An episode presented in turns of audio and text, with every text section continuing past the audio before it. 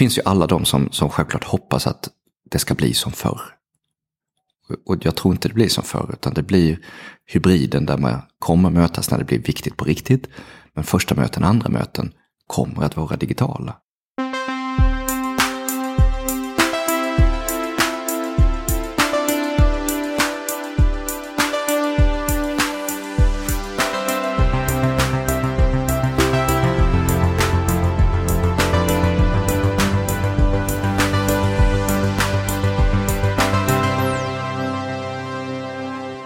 Hej framtiden är tillbaka. Jag heter Christian von Essen. Jag sitter i min kitchenstudio på Roslagsgatan i Stockholm. Här med Jonas Hammarberg. Välkommen till podden.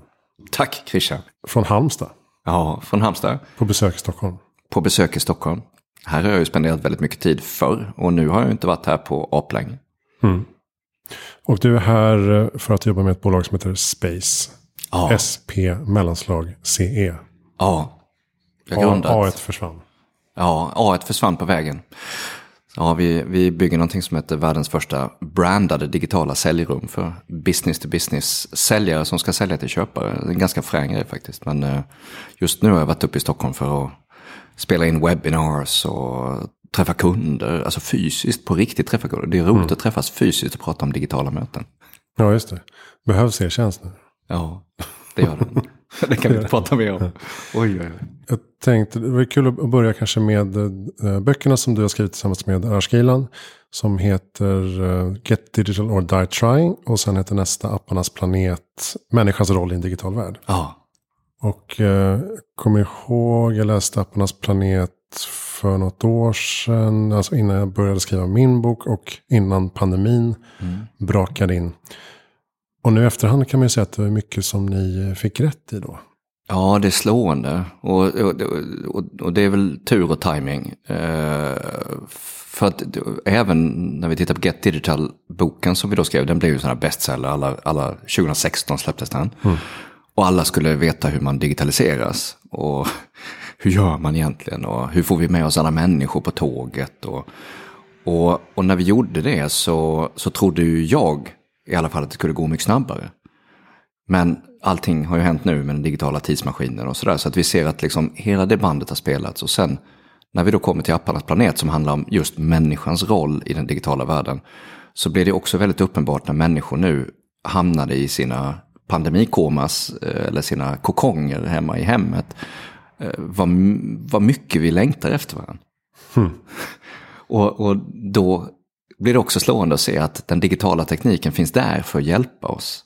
Tänk om det hade hänt för 10 år sedan, 15 år sedan, 20 år sedan. Vad hade vi gjort då? Läst fler böcker kanske. Ja, kanske Korsord. korsord, knyppling. Jag vet inte. Men eh, vad, är din, vad är din bakgrund från början då? Alltså du har jobbat massa med eh, konsultbolag och digitala roller på olika typer av företag. Vad är din grund från början? Jag gick eh, i Halmstad, jag är ju från Halmstad, så att jag, jag gick på Sannarpsgymnasiet i Halmstad och gick ut som näst sämsta eleven där på naturvetenskapliga programmet. Jag hade typ, jag vet inte, väldigt lågt. Och jag var helt enkelt inte motiverad, engagerad eh, för att göra det just då. Sen gick jag, åkte jag ut och reste, det första jag gjorde efter jag eh, slutade. Och då råkade jag ramla ner för ett stup, sju meter, bryta ryggen och bli paralyserad Mm-hmm. nere i Grekland på ön Paros, Parikia stad. Om- Om du kommer dit så när du kommer med, med båten så är det en väderkvarn strax till vänster. Där bakom ligger sjukhuset. Dit tog de mig. Det här var ju långt före Googles tid och långt före den tiden när mobiltelefonerna fanns. där, Liksom. Så att det här var ju när jag var i princip liksom 19 år. Och jag är född 1970 så vi, vi räknar baklänges. Det här är liksom någonstans 1990-ish. Liksom. Och, och de, efter två, ja, de fick tag på min pappa på, på riktigt på en sån här gammal hedlig telefon eh, efter ett tag. Och så, han började väl kedjeröka då eller någonting. Liksom, sonen ligger där nere, det är jävligt långt ner till Grekland på den tiden. Så, men de, SOS International flyger ner med en helikopter och hämtar mig, eh, kommer hem. Och så träffar jag en läkare som säger att ja, men det är inte så farligt, du, du kommer kunna gå någon gång. Liksom. Ja, och spela fram bandet där då så, så skulle jag sjukpensioneras. Eh, eftersom jag faktiskt hade väldigt, väldigt ont. Och, och, av en slump så träffade jag en professor på Akademiska Uppsala som, som tar på mig och så säger han du, eh, det där kan jag fixa. Och så gjorde han det. Och opererade mig tio och en halv timme och sen, så, sen dess så har jag inte ont i ryggen och, och är hel och ren och kan gå och allting sånt här. Va? Och, och det fräna med det där var att det ger ju en viss form av motivation. Så att jag sprutade igenom högskolan, jag pluggade komvux först, och det måste man göra. Och sen gjorde jag högskolan och sen så blev jag headhuntad som it-chef. Jag pluggade alltså ekonomi och it. Mm. Då hette det ADB. Men, men tillbaka där så, så körde jag hela min digitaliseringsresa 1.0 på Halmstad gummifabrik. När jag liksom, just det, gummifabrik. Gummifabrik, jag sov ute i gummifabriken på en soffa när vi implementerade på skiften, liksom affärssystem. Och sen gick det jättefort. Sen, sen eh, blev jag plockad till Knowit när Knowit var små. Och sen så hoppade vi av Knowit efter börsnoteringen efter något år där och startade ett eget konsultbolag som jobbar med affärssystem. Och så växte vi det under 13 lönsamma tillväxtår och hade kunder i 21 länder när vi väl var klara och amerikanerna kom och köpte oss helt enkelt, mm. riskkapital. Mm. Och därifrån så fick man ju då, jag fick på riktigt tio minuter på mig att lämna. För att man får ju sparken och en hög pengar då. När man... Du var inte inlåst i någon slags... Nej, tvärtom. Det var liksom, kontrakt. jag blev utelåst, eh, vilket var helt fantastiskt. Men, eh, och då så gick jag in mot HR-teknologi. Vi köpte ett managementkonsultbolag, jobbade igenom det och, och, tog in det i molnet alldeles för tidigt. HR-tech utvecklade vi mellan 2013 och ja, fram till 2019-20. Och för tidigt. Eh, och det liksom lärde mig vikten av att, att ha timing och tur och, och lite talang. Så vi brände en väldig massa pengar, byggde en fantastisk AI-tjänst med hjälp av intelligensen från managementkonsulterna. Och fick en 14 700 användare någonting, så det var, det var liksom inte så. Men, men vi skalade inte, vi, vi, och därifrån så kom pandemin.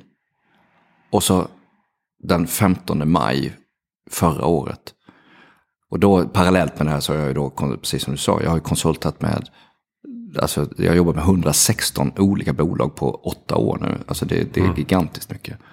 Men då släppte jag allt. Och så fokuserade bara på en enda sak och det var liksom att jag vill göra digitala möten bättre än IRL. Så att vi kan göra fler digitala möten och mötas fysiskt när vi verkligen vill. Inte för att vi måste. Och då ska vi då säga att jag har bott i Kuala Lumpur i Malaysia i fem år fram till pandemin. Och sen stängde de gränsen så att våra grejer är kvar där borta. Men jag har gått ifrån att ligga och pendla med flyg och, åka 128 flighter om året i snitt till att nu har jag inte flugit på 450 dagar. Eller någonting. Alltså det, det, och det är så skönt. Så att mitt liv har vänts helt upp och ner. Jag bor i huset i Halmstad och har gått till att bygga en plattform som hjälper säljare att sälja och bygga relationer. Med hjälp av digital teknologi för att de ska slippa flyga. Både av kostnads och tids och CO2-skäl helt enkelt. Det är det jag gör. Men du har också etablerat dig som föreläsare samtidigt då? Ja, jag gjorde det. Uh, när man skrev, det, det, alltså bästa sättet att bli föreläsare, jag tror att det är att skriva någon bok som många vill köpa, så blir det en bestseller, då måste man ut och vifta med händerna. Mm. Och då låg jag och gjorde 92 föreläsningar per år, flög 18-19 gånger från Malaysia in till Europa, för att människor ville veta verkligen hur man skulle kunna ta digitaliseringen ut i hela liksom, blodomloppet eh, med, hos människor. Och när pandemin kom så, så blev det uppenbart att hela föreläsningsbranschen, den bara försvann över en natt. Mm. Jag satt här uppe i, i Stockholm eh, och körde ett webbinar just tillsammans med en av mina klienter, Nordic Choice Hotels, den dagen när Petter och Togej var tvungna att informera om organisationen. Det var den 13 mars. Och därifrån så, så åkte jag hem på min sista flight. Och det var det som fick mig egentligen till att göra det vi gör nu helt enkelt. Och, och jag har därmed pensionerat mig från föreläseriet. Jag skriver inga böcker. Jag gör bara en annan grej. Och, och nu går det ju i raketfart. Mm. Och Beata Wickbom är med? Ja, jag kommer precis från ett möte med henne. Hon var ju uppskattad gäst i podd. Jag kommer inte ihåg vilket avsnitt jag kollade. vi pratade mycket om digitala möten då. Och eh, vad är det ni bygger då rent konkret? Alltså vad är det unika med Space? Alla, alla företag, mer eller mindre, liksom har ju ett CRM-system idag. Och CRM-systemet är ju på något sätt där man tvingar säljarna till att registrera en massa grejer och så ska man följa någon form av process. Ja. Customer Relationship Management. Management, mm. exakt. Men, men det hanterar liksom bara en del, det hanterar aldrig interaktioner med, med, med, köpa, med köparen.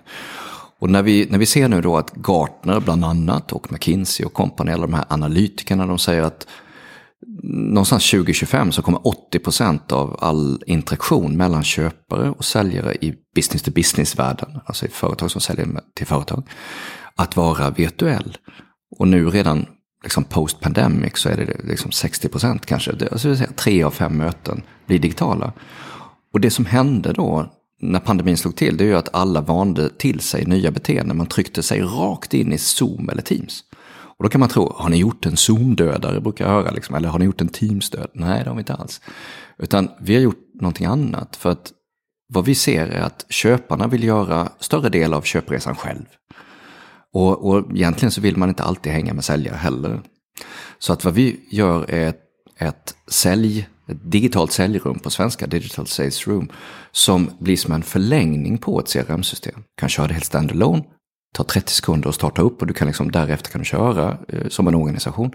Men du kan också docka in det med CRM-systemet och det förlänger liksom systemet eh, hela vägen från första mötet till att affären är avklarad och förbi. Så ett space, som vi kallar det då, eh, det, det är som ett rum där alla möten äger rum.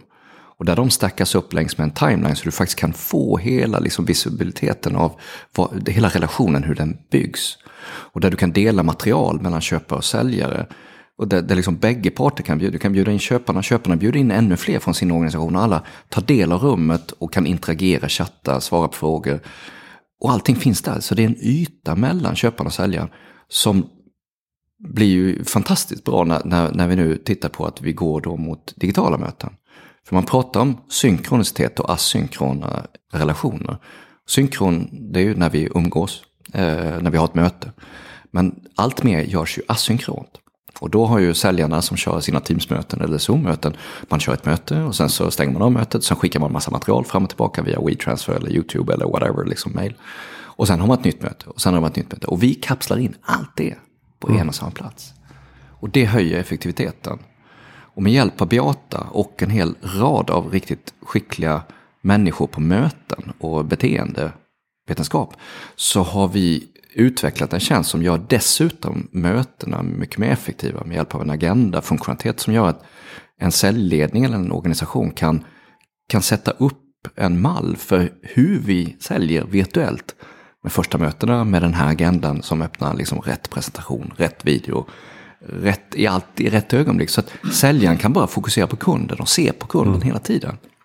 Så det där har vi gjort. Och det, just nu så finns det liksom ingen i världen som gör just det. Om ett år kommer det finnas jättemånga konkurrenter. För det här är liksom, här händer det nu. Och därför springer vi som attan. Mm. Och det är signering också i? Ja, i eh, med hjälp av GetAccept eh, eller Scrive eller jag tänkte faktiskt nämna GetAccept för de, är ju, de gör ju något liknande. Egentligen. Ja, GetAccept gör ju en, eh, en annan form av Eh, transaktion ska man säga. För den, vi använder själva GetAccept. Uh, eh, och, och via Scribe eh, också. Men och GetAccept öppnar ju så att säga ett dokument och sen så kan man fylla content runt det, det på ett jättefint sätt. Där man kan liksom lägga in en video, så kan jag se videon, och sen läser jag materialet, sen signerar jag avtalet. Men det är en transaktion. För mig är det en transaktion där jag skickar iväg någonting och förväntar asynkront att, att den andra parten ska signera. Och det funkar jättebra för ganska enkla snabba. Men om du har en relation, business to business, så kan den ta 48 månader. Eller 24 eller 4. Vilket gör att det är en relation som vi bygger. Och det, det bygger vi inte på det andra sättet, utan det bygger vi faktiskt genom att vi möts. Och det är det som vi har som klon. Så mm. därför har vi integrerat GetAccept bland annat och Scribe. För att man ska kunna välja sin egen signering som en del av en agenda. Så man kan helt enkelt ha ett möte. Och så när man har gått igenom prestationen, man har pratat om frågorna, så kan man längre ner komma fram, så öppnas automatiskt rätt avtal. Och så går man igenom det och kan till och med signera. Mm. Det, ja, det förkortar ledtiderna otroligt mycket. Ja, jag tror det gör det faktiskt. Eh, så att det, det som händer runt omkring oss nu är att det, det här fullkomligt exploderar eftersom alla nu som har kommit tillbaka Det finns ju alla de som, som självklart hoppas att det ska bli som förr. Och jag tror inte det blir som förr, utan det blir hybriden där man kommer mötas när det blir viktigt på riktigt. Men första möten, andra möten kommer att vara digitala. Så att de som tragglar med, med sina Zoom eller Teams och håller på att dela skärm och visa fel. Alla har väl varit med i ett sånt där möte när liksom, ah, ser du min skärm? Nej, jag ser dina background slides. Eller, hör du mig? Nej, mute nu, Benke, liksom. eh, det där tar vi bort med hjälp av vår teknik. Hur? Ganska eh, frän teknologi som, eh, om vi ska gå in på detaljer. Så vi gör en agenda-funktion där du kan bygga dina egna agendor. Man kan då helt enkelt deploya eller få ut de här organisationerna så att det blir en best practice. Så att alla första möten ser likadana ut. Agendan kan vara första aktiviteten är en, vad vi kallar en team activity, där, där allas kameror automatiskt slås på. Vi lär känna varandra. Sen kommer en presentation activity, då är det en eller två eller tre som presentera någonting eller göra en product demo eller någonting. Då öppnas presentationen helt rätt. Och alla åker ut vid sidan så att vi ser varandra samtidigt som demonstrationen går vidare. Sen kanske vi öppnar Miro eller Mural för att eh, explora någonting och ha någon modell. 3D-Porsche-applikation öppnas helt sömlöst, vi ser varandra. Och, och, sen så kommer vi ner till, till en aktivitet som, som kan vara no, någonting annat. Och den här presentationen som vi var inne på tidigare, den delas, behöver inte delas med screen sharing technology. Utan vi drar in en prestation. och du kan fysiskt både drag and droppa in en presentation eller en pdf eller en video. Och den spelas upp och visualiseras i klienten, i browsern. För vi har 100% browserteknologi. Så att vem som helst kan alltid bara med en länk bara komma in. Och då har vi byggt, utvecklat en, en teknik som gör att det händer hos dig. Hos alla eh, i deras klienter. Utan att du behöver installera någonting. Och det gör att vi kan köra en presentation med perfekt bild. Eh, det gör också att vi sparar bandbredd för att den förs över en gång och sen ligger den cashad lokalt. Men vi kan också spela full HD-video med perfekt ljud och perfekt bild. Vilket har varit ett riktigt aber när man har hållit på med Teams eller så. Mm. Men kan ni köra webbinarier och um, föreläsningar och sånt också? Använda ja, verktyget? Ja, kan, kan vi. vi. Vi släppte ju första versionen av vår plattform redan den 15 oktober förra året i en aktivitet, ett webbinar där vi hade 420 deltagare genom vår egen teknologi. Mm.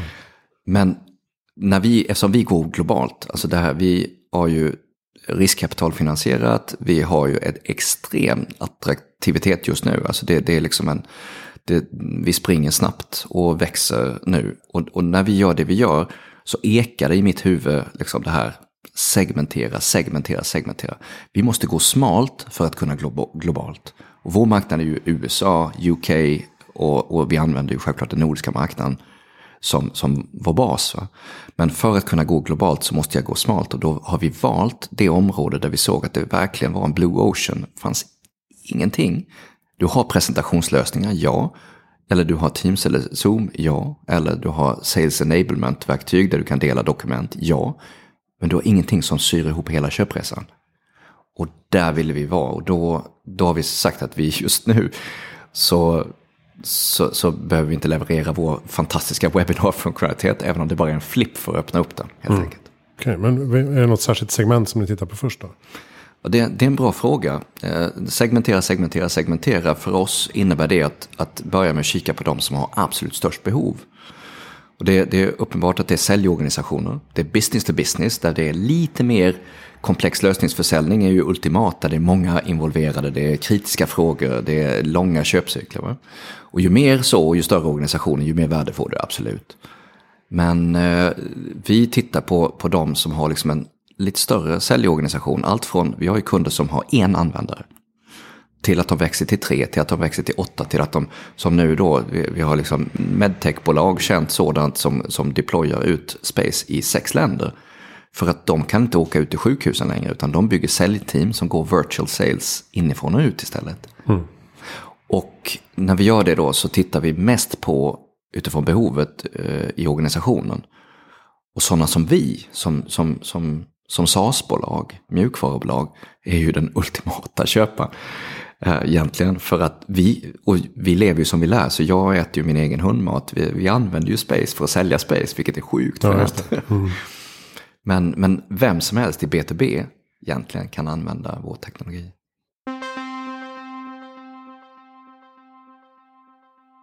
som du säger, det kommer inte bli som förr. Det måste ju få konsekvenser för affärsresandet. Och jag hoppas det. Ja, det och jag, det, jag, jag bettar på det. Så att jag köper kanske inte aktier i, eh, i liksom affärsresande just nu. Även om vi självklart måste resa för att mötas. Men om jag har klarat mig på att gå från att, att, att resa sönder mig, att, alltså resa 19 gånger per år från Kuala Lumpur till Europa. Alltså det är sjukt i huvudet. Alltså på alla plan. Även om jag hittade och fick någon form av liksom, eh, motivera mig själv med att liksom, jag är så jädra viktig, det är så viktigt att jag ska vara på plats. Liksom. Men det, det är liksom, lägg av. Idag så har man sett att nu kan man göra digitala föreläsningar. Ja, det funkade ju ganska bra. Men, eh, och säljet ska vi inte prata om. Så att jag tror på riktigt att, att de organisationer som rampar upp sig nu och lär sig det här, de kommer sticka från sina konkurrenter på samma sätt som i B2C, när de som plockade in sina butiker online tidigt, NetOnNet till exempel, de byggde ju hela sin grej på, på det. Och sen så köpte Siba dem och så, och så blev det NetOnNet som blev brandet. På samma sätt som när, när vi minns tillbaka till 99-2000, de som utvecklade webben, var med på webben liksom på den tiden och tidigt, tog ett försprång från de andra. Det finns en jättestor skillnad nu gentemot då, det är att det går så sjukt mycket snabbare nu. Mm. Och det tror jag gör att det är många som är på bollen. Kan vi prata lite om eh, KL? eller? Ja, Det är en av mina absoluta favoritstäder i, i världen. Hur kommer det sig att du hamnade där? Tack för att du frågar. Eh, För, för det, det är en högst personlig orsak. Jag låg och pendlade ner till Singapore när det begav sig. För eh, vi, vi hade ju affärssystemskonsulting som levererade ner dit. Och då låg jag och pendlade var tionde dag ner till liksom Singapore. Hemma tio, borta till. Så. Och sen började till slut familjen följa med. Så att vi, eh, vi kunde vara där lite mer. Och då började vi utforska Malaysia. Och det var ju på den tiden när, när Singapore var rent och Malaysia var lite, lite smutsigare. Men uppe på öarna så var det fantastiskt. Men jag föll liksom eh, i, i, i, i brand för, för den kulturella mältdegen som finns där. Som jag tror du känner igen, jag ser på dina ögon. Jag pluggade i Singapore eh, två terminer och Malaysia ett, en termin. År 2000-2001. Då var jag där med. Så att jag, men jag var i Penang, Ja, universitetet Ja, i ja. Penang. University Science Malaysia.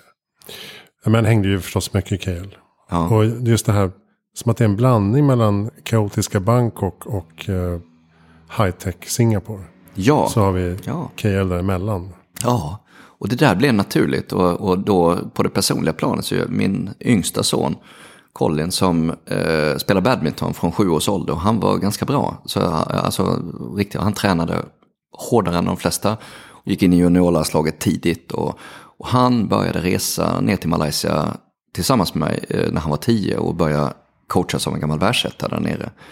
Så att han började resa ner fyra gånger per år för att träna och då blev det liksom naturligt. Och sen så utvecklade vi ett, ett, ett eh, development center där nere och, och Colin valde att flytta ner istället för att gå på badmintongymnasiet. Så att vi bodde där helt enkelt och vi utvecklade mjukvara, han utvecklade sin badminton. Eh, ja, men ungefär så fram till pandemin. Men just det du var på, den kulturella mältdegen, där jag upplever att jag bodde vid, vid parken. Om du kommer till Kuala Lumpur någon gång så, så precis vid centralstationen så ligger det en, en park. Och, och där, där bodde jag. Och då sprang jag varje morgon klockan sex och så sprang jag precis liksom samma runda hela tiden. Men sen åkte jag in till stan och, så, och då tar man LRT, man åker sådana liksom, tåg. Och de 11 minuterna som det tog in till precis där vid tvillingtornen där vi satt bakom Ampang Park. Där, där, där, det är ju alla kulturer samlade. Va? Någon har prick i pannan, någon har hijab, någon är ateist som jag. Eller liksom, alla är där och det är ingen som frågar eller ifrågasätter. Och, och sen finns alla maträtter samlade på ett och samma ställe. Så att den kulturella mältdegen gav dessutom ett diversity-perspektiv in i vår utveckling. Det teamet som vi hade där, var, många av dem var från Vietnam. De åkte hem till Ho Chi Minh City när, när covid kom. Och därför har vi byggt ett dotterbolag i Ho Chi Minh nu runt om dem och rekryterar in som attar. Ja, vad häftigt. Ja. Nej, och sen, det är klart att det finns, liksom, det finns rasism i de här länderna. Det finns Oh ja, gammalt oh ja. groll och Ja, motsättningar. Hierarkier som Singapore, attan. Malaysia, kineser och sådär. Men generellt så är ju precis som du beskriver den stämningen, atmosfären är ju fantastiskt eh, fredlig och eh, dynamisk. Ja, jag, jag upplever att skillnaden som, som alltid var när jag åkte, för jag gjorde ju det här till en, det, det blev ju till slut en, ja det, det, det blir ju en ritual av det. Jag, jag, jag, sätter mig på flyget antingen liksom i Oslo, Köpenhamn, Stockholm eller Göteborg. Åker ner, kommer till loungen i mellanlandningen, duschar, sätter på mig kalankabrallorna, lägger mig ner och sover hela vägen över. Och sen vaknar jag i en helt ny värld. Och sen gör jag precis tvärtom på vägen tillbaka. Då duschar jag istället, sätter på mig en svart kostym och hoppar upp på någon jädra scen. Eh, men skillnaden var så brutal. Eh, och nu kan jag, jag, jag saknar Asien, jag saknar inte resandet. Nej. Jag kan sakna den här väggen av fuktig värme och När du gav doft planet. av blommor eller vad det nu är. Den lite söta doften som, Ja. som bara smackar på en i, i facet. I synnerhet när du kommer till Changi Airport, Singapore. Ja, där exakt. Anywho, vi hamnar bak i gamla minnen. Man ser på ögonen på, på oss här nu så att vi liksom drömmer oss bort. ja precis. Men det är inte över, livet är inte slut. Vi pratade lite om det här med att överleva en kris och att ta tillvara på en kris. Blommor i asfalten och så vidare. Har du upplevt det fler gånger under din karriär?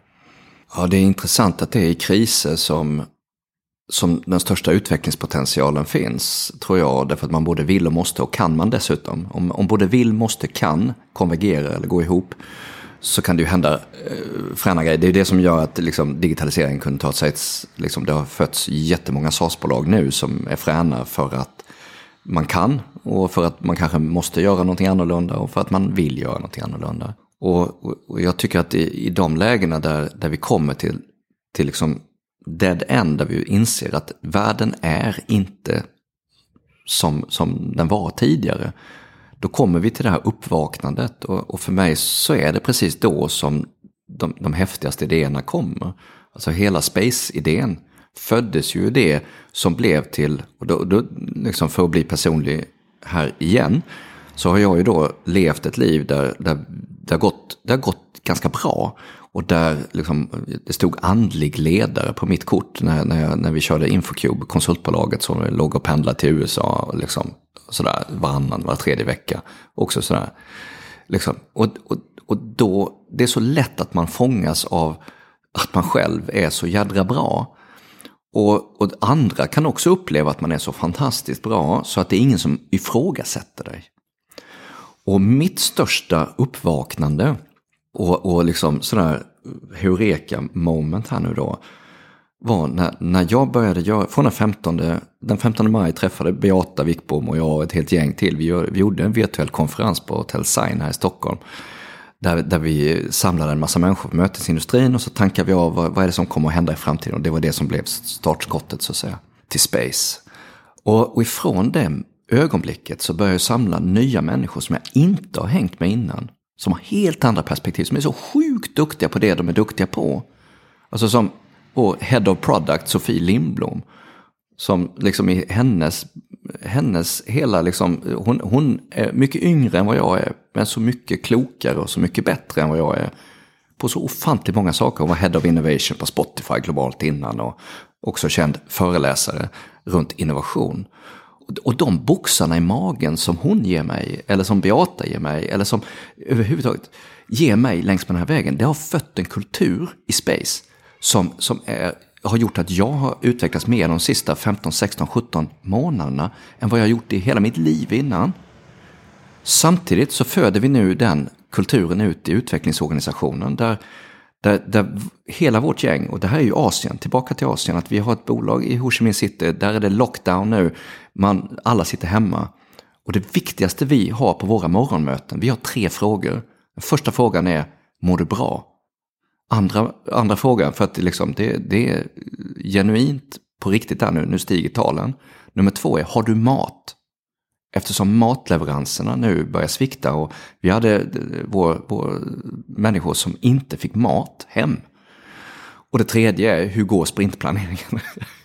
Det är den ordningen. Och det fräna nu med den här kulturen, det är ju att alla tar hand om varandra. Och vi föder en platt organisation som gör att vår head of, of UX, en utvecklare, alltså designer, som heter Min Ly. Hon är 27 år gammal, bor hemma hos mamma och pappa, ska eventuellt potentiellt gifta sig någon gång nu, ha en dubbelexamen. Hon är tjej, vietnames, bor hemma hos mamma och pappa. Och hon öppnar morgonmötet med mig med att säga Jonas, you don't look fresh today. You should always look fresh. You're, you're in sales. You should, you know, you have to go and shower and shave. Om en 27-årig tjej i Vietnam kan säga det till sin högsta chef, då har vi jädra lyckats. Älskar det. Härliga asiatiska uppriktigheten ibland. Ja, bara, verkligen. You gain some weight. Man bara, yeah. Yeah. Fuck you. Sofie Lindblom, just det. Avsnitt 59 hade vi med henne. Ah. Och Beata, avsnitt 189. Två mycket bra personer. Du brukar ofta prata om det här med att, att eh, man kan inte springa maraton med feber. Nej, just det. Var, var, Kommer den, var kommer den liknelsen ifrån? Den kommer av att jag hade väldigt många år i affärssystemskonsultvärlden eh, där jag inte levde så hälsosamt till att börja med. Jag eh, var typisk konsult, jobbade 3500 timmar om året och, och gainade weight jag också. Och, och till slut så, så blev allting vitt en gång i tiden. Faktiskt när jag satt och körde liksom mitt i natten på väg från Göteborg ner till Kastrup, skulle bara hem och byta kläder. Och så blev det bara vitt och så exploderade airbagen. Och egentligen var det inte airbagen som exploderade, utan det var ju, det var ju hela jag som hade exploderat. Så att eh, då fick jag eh, lägga mig på divanen med en skäggig gubbe och, och förstå mig själv. Och det, det var en häftig process. Men i det så fick jag också eh, utifrån en kris då eh, möjligheten att liksom förändra mig själv. Och där började jag jag tänka på min egen, min egen hälsa. Så jag började springa. Igen. Jag hade tränat jujutsu, jag är svart bälte i jujutsu liksom sen, sen länge. Och sen så börjar man konsulta och så glömmer man bort liksom att ta hand om sig. Så, att, så att då började jag springa och sen sprang vi maraton. Så vi, vi gjorde New York Marathon 2005. Och, och det här var liksom, ett, och en kille blev sjuk. Och han sprang det. Han mådde varken bra före, under eller efter.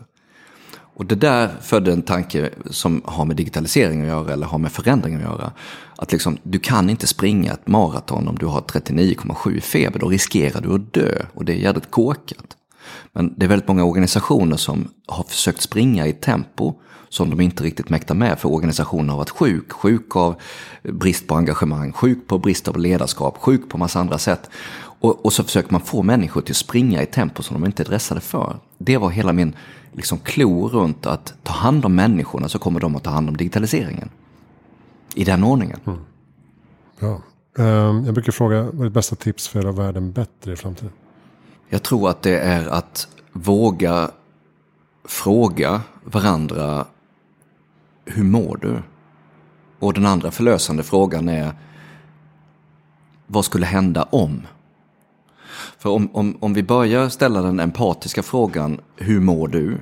Så får vi automatiskt en möjlighet att föra ett samtal på vilket sätt jag kan hjälpa dig. Och när jag kan hjälpa dig så kan jag också ställa hur skulle det världen se ut om? Eller hur skulle det ske om? Så att jag kan coacha dig till att gå i en riktning. Och jag tror att allting börjar med ett samtal och med en fråga och med att man faktiskt bryr sig om varann. Det, jag, det finns ingen digital teknologi som, som kan liksom rädda mänskligheten per se. Mänskligheten måste rädda mänskligheten, men digital teknologi vet vi kan hjälpa till att rädda oss. I den ordningen. Mm. Har du några bra lästips eller poddtips? Ja, läs, eh, lästips utifrån, eh, ja, då kan man tro att jag ska klämma till med någon sån här managementlitteratur eller något sånt där. Men för mig så, så handlar det om att, om att läsa om någonting som du inte har läst om tidigare. Och det är det enda tipset som jag skulle vilja ge. För jag, det är, liksom, jag är förmodligen sämst på att ge boktips. Då, där, för jag, jag lyssnar på allt möjligt tänkbart och, och läser ibland också allt möjligt tänkbart. Men jag tror att det handlar om att gå utanför sin traditionella komfortzon. Alltså när jag hör min hustru Katti berätta om de böcker hon läser så blir jag ju nyfiken. Jag ska bara, det, då är det bara jag ska bara ta mig den tiden att gå över stängslet och faktiskt läsa den bok som hon läser. Där tror jag det händer någonting. Mm. Så det var kanske inget bra boktips, jag är ledsen. men, men... Läs böcker som din fru läser. Ja, typ. Eller man. eller partner eller kompis. Ja. Alltså gå till biblioteket kan väl vara, jag vet inte om man går till biblioteket numera, men eh, jag lyssnar ju väldigt mycket på, på böcker. Men så fort det kommer till någon form av liksom managementlitteratur eller någonting där man ska göra någonting tangible med det, så måste jag ha pappret framför mig. Och det, det, det där med böckerna då igen, jag har kommit tillbaka till den här Get Digital or Die Trying-boken som vi skrev bara för några veckor sedan nu så, så skrev Arash jag på ett, ett avtal med ett kinesiskt förlag som nu ska köra den på på liksom Simple Chinese. Och det blir jättespännande att se. Det är ju, det är lite senare. Och de har skrivit på och garanterat att det inte ska censureras. Eh, Så vi får se. Eh, Så nu ska jag lära mig läsa kinesiska, för annars kan jag inte kontrollera det. Nej, just det. Du får eh, kanske hitta någon som kan skumma igenom den där. Ja, typ. Coolt. Vem tycker att jag ska intervjua? Ja, vem ska du intervjua? Ja, om du inte haft Louise Linder här. Nej. Eh, Louise Linder är, nu- nu går det spontant på, på magen, är en präst eh, som gjorde ett sommarprat tror jag 2013. Jag hade Louise eh, och gjorde en intervju i Sankt Erikskyrkan eh, inför Microsoft Tech Days 2019 som var en av de största sista konferenserna, det var ju 2000 pers där. Där jag fick 90 minuter eh, keynote öppna hela den där. Och vi hade 90 minuter där vi inte hade någon teknologi överhuvudtaget i princip eh, på liksom agendan, utan vi pratade bara om människan. Och Louise har eh, forskat på AI också dessutom och, och, och, och pluggat på det. Samtidigt som hon då är präst. Jag är ju ateist, så att det, jag är liksom, eller agnostiker eller vad man nu väljer att och, och vilja kalla det. Men samtalet som vi hade i Sankt Erikskyrkan runt mänskligheten och värdet av människan tycker jag var fantastiskt. Det var ett eh, väldigt bra tips tycker jag.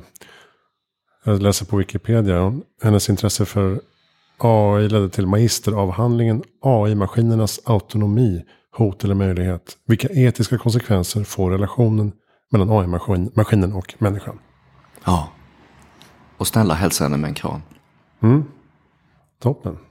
Då tror jag att vi var klara här. Tack snälla Jonas Hammarberg. Ja, men tack snälla för att jag fick komma hit. Jättekul. Um, jag heter Christian von Essen. Allt du behöver veta om Heja Framtiden finns på hejaframtiden.se. Alla avsnitt och böcker, magasin och grejer. kommer en ny bok i oktober som heter Nu fattar jag. Eh, som kanske rider lite på eran, eran våg att förklara vår digitala samtid och framtid som vi kallar det. Och vad ska jag säga med? Jo, eh, hur hittar man Space? Då går man in på www.spce.com. När vi köpte domänen SPCE, så Space med A tror jag Rymdstyrelsen, NASA eller någon hade. Men SPCE fick vi köpa för en heurekisk massa pengar. Men den är ganska bra där också. www.spce.com.